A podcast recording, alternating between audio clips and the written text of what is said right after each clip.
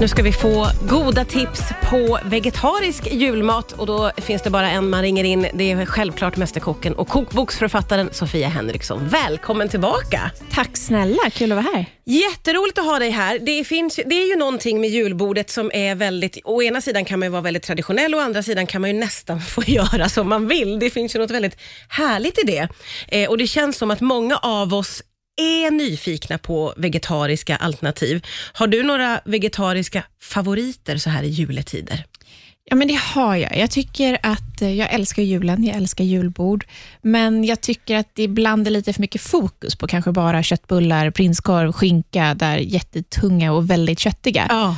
Så jag tycker att man kan ta tillvara lite på de råvaror vi faktiskt har i Sverige, till exempel rotselleri. Hur gott som helst att ugnsbaka rotselleri med massa Mm. brynt smör eller rödbeta är ju också, förutom rödbetssalladen, trevlig att göra som, om ni, det var trendigt i somras att göra så smashed potato. Man kan Ja, göra smashed det. rödbeta. Ja, och, Och så massa brynt smör över eller någon god vit ost om man fortfarande inte gör det helt veganskt, men Ja, kör ja. liksom någon chèvre eller någonting på. Man, ja, men just att det inte behöver vara helt substitut också. Att det behöver inte vara köttbullar, utan det Nej. kan vara en helt annan rätt. Eh, Men vill man så, herregud, man kan bara byta ut eh, ansjovisen i Janssonen mot kapris till exempel. Ja, man ändå det. lite mer... Men det där är ju intressant tycker jag som du säger, för antingen så går man den vägen att man vill byta ut klassiker, eller så kan man tänka i helt nya goda banor helt enkelt. Och det där som du pratar om nu är ju verkligen att så här, ta tillvara på det som finns Ja. eh, och att liksom eh, våga tänka kanske li, lite nytt också då.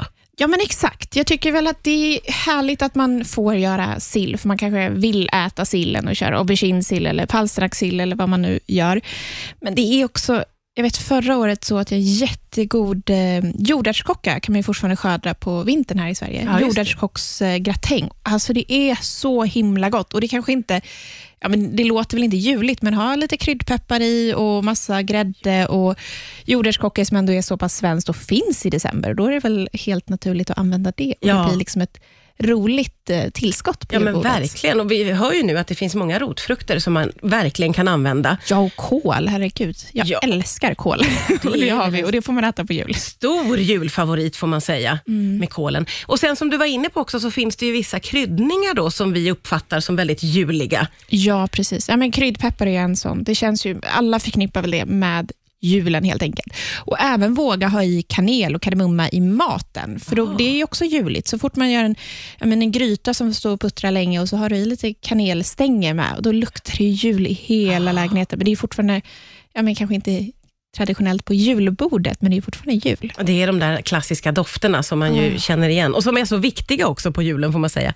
Julbordet är en het potatis märker vi när vi börjar prata med varandra och när Elin kommer in i studion. Så alla har sina favoriter eh, och då blir det ju spännande med eh, de här klassiska grejerna som vi har nämnt, köttbullar och skinka.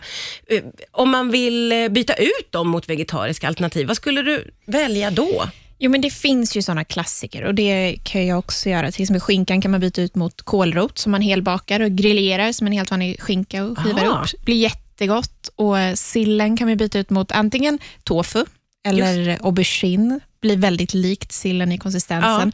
Jag brukar föredra palsternacka eller rotselleri, så det blir liksom, men det ger någon mer smak än bara att det ska vara en låtsassill. Ja, ja. Liksom. Ja, ja precis. Eh, Så alla rätter, och som jag sa där med Janssons, går att byta ut till kapris istället för ansjovis. Mm. Också väldigt salt och får en Ja, ja. liksom. ja, men precis. Och Det här är ju för de som ändå vill ha det här traditionella. Sen finns det ju vissa mer våghalsiga som kanske vågar tänka helt utanför boxen. Vad har du för tips till dem om man ska våga sig på kanske något helt nytt till julbordet?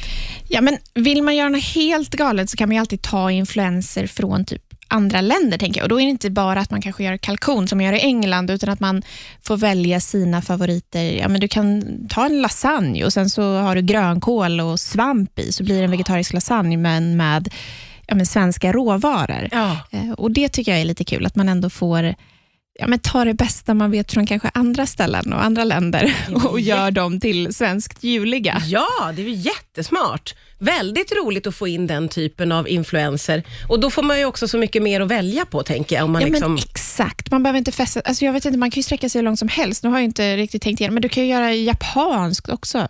Gör liksom en ramen, men med julskinka istället, Ja. så går det väl jättebra att få, få ihop det till någonting skoj och lekfullt och inte bara vara sådär. Det är många som klagar, känner jag också, på julbordet, att ah, det är så tråkigt med julbordet. Det är Ja. bara samma sak.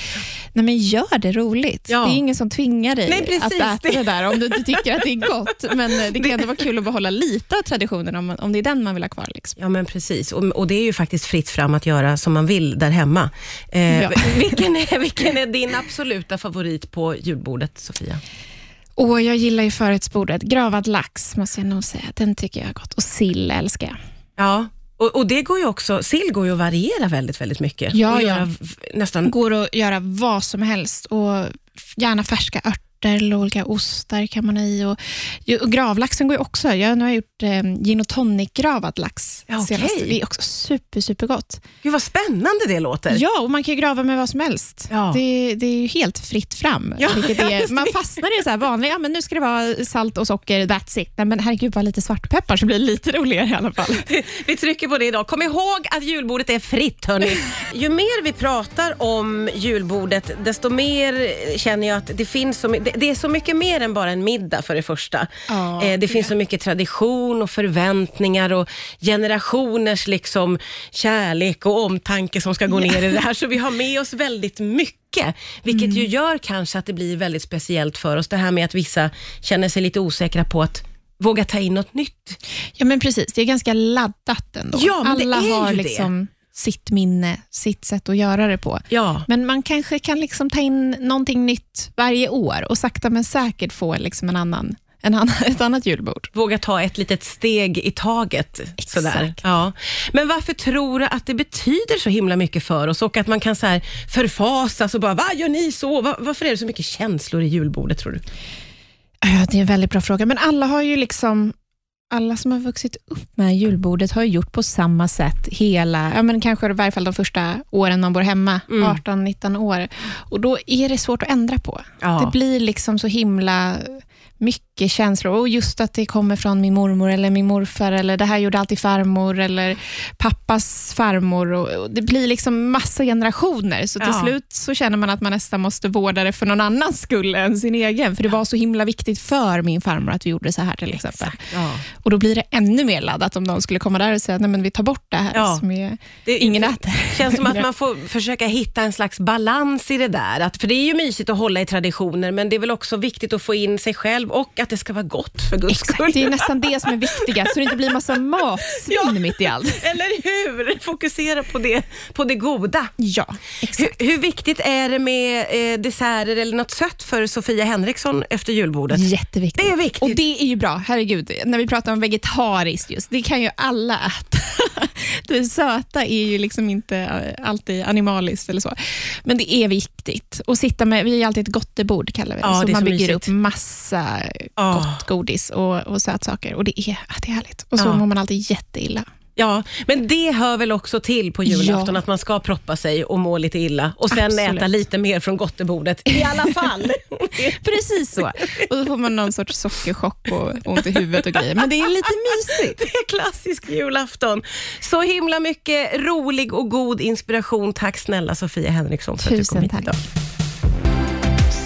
Ja, vi fokuserar på det vegetariska julbordet idag med Sofia Henriksson. Och eh, ju mer vi pratar om julbordet, desto mer eh, känner jag att det finns så, det, det är så mycket mer än bara en middag för det första. Ja, Eh, det finns så mycket tradition och förväntningar och generationers liksom kärlek och omtanke som ska gå ner i det här. Så vi har med oss väldigt mycket, vilket ju gör kanske att det blir väldigt speciellt för oss. Det här med att vissa känner sig lite osäkra på att våga ta in något nytt. Ja, men precis. Det är ganska laddat ändå. Ja, Alla har ju det. liksom sitt minne, sitt sätt att göra det på. Ja, Men man kanske kan liksom ta in någonting nytt varje år och sakta men säkert få liksom en annan, en annan, ett annat julbord. våga ta ett litet steg i taget. Sådär. Ja.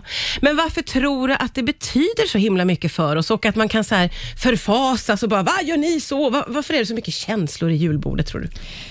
Ja, det är en väldigt bra fråga, men alla har ju liksom alla som har vuxit upp med julbordet har gjort på samma sätt hela, ja, men kanske i varje fall de första åren man bor hemma, Mm. 18-19 år.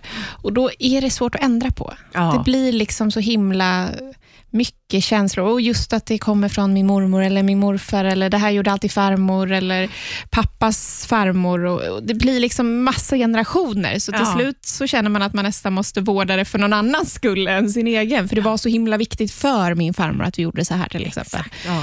Och Då blir det ännu mer laddat om någon skulle komma där och säga nej men vi tar bort det här Ja. som är, Det- ingen äter. känns som att man får försöka hitta en slags balans i det där. Att, för det är ju mysigt att hålla i traditioner, men det är väl också viktigt att få in sig själv och att det ska vara gott för guds skull. Exakt, det är nästan det som är viktigast, så det inte blir massa matsvinn Ja. mitt i allt. Eller hur? Fokusera på det, på det goda. Ja, Hur, exakt. hur viktigt är det med eh, desserter eller något sött för Sofia Henriksson efter julbordet? Jätteviktigt. Det är viktigt. Och det är ju bra, herregud. När vi pratar om vegetariskt just, det kan ju alla äta.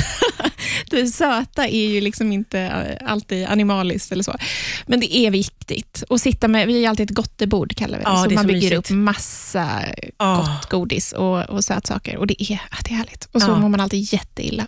Ja, men det hör väl också till på julafton Ja. att man ska proppa sig och må lite illa och sen Absolut. äta lite mer från gottebordet i alla fall. Precis så. Och då får man någon sorts sockerchock och ont i huvudet och grejer. Men det är lite mysigt. Det är klassisk julafton. Så himla mycket rolig och god inspiration. Tack snälla Sofia Henriksson för att du Tusen kom hit tack. idag.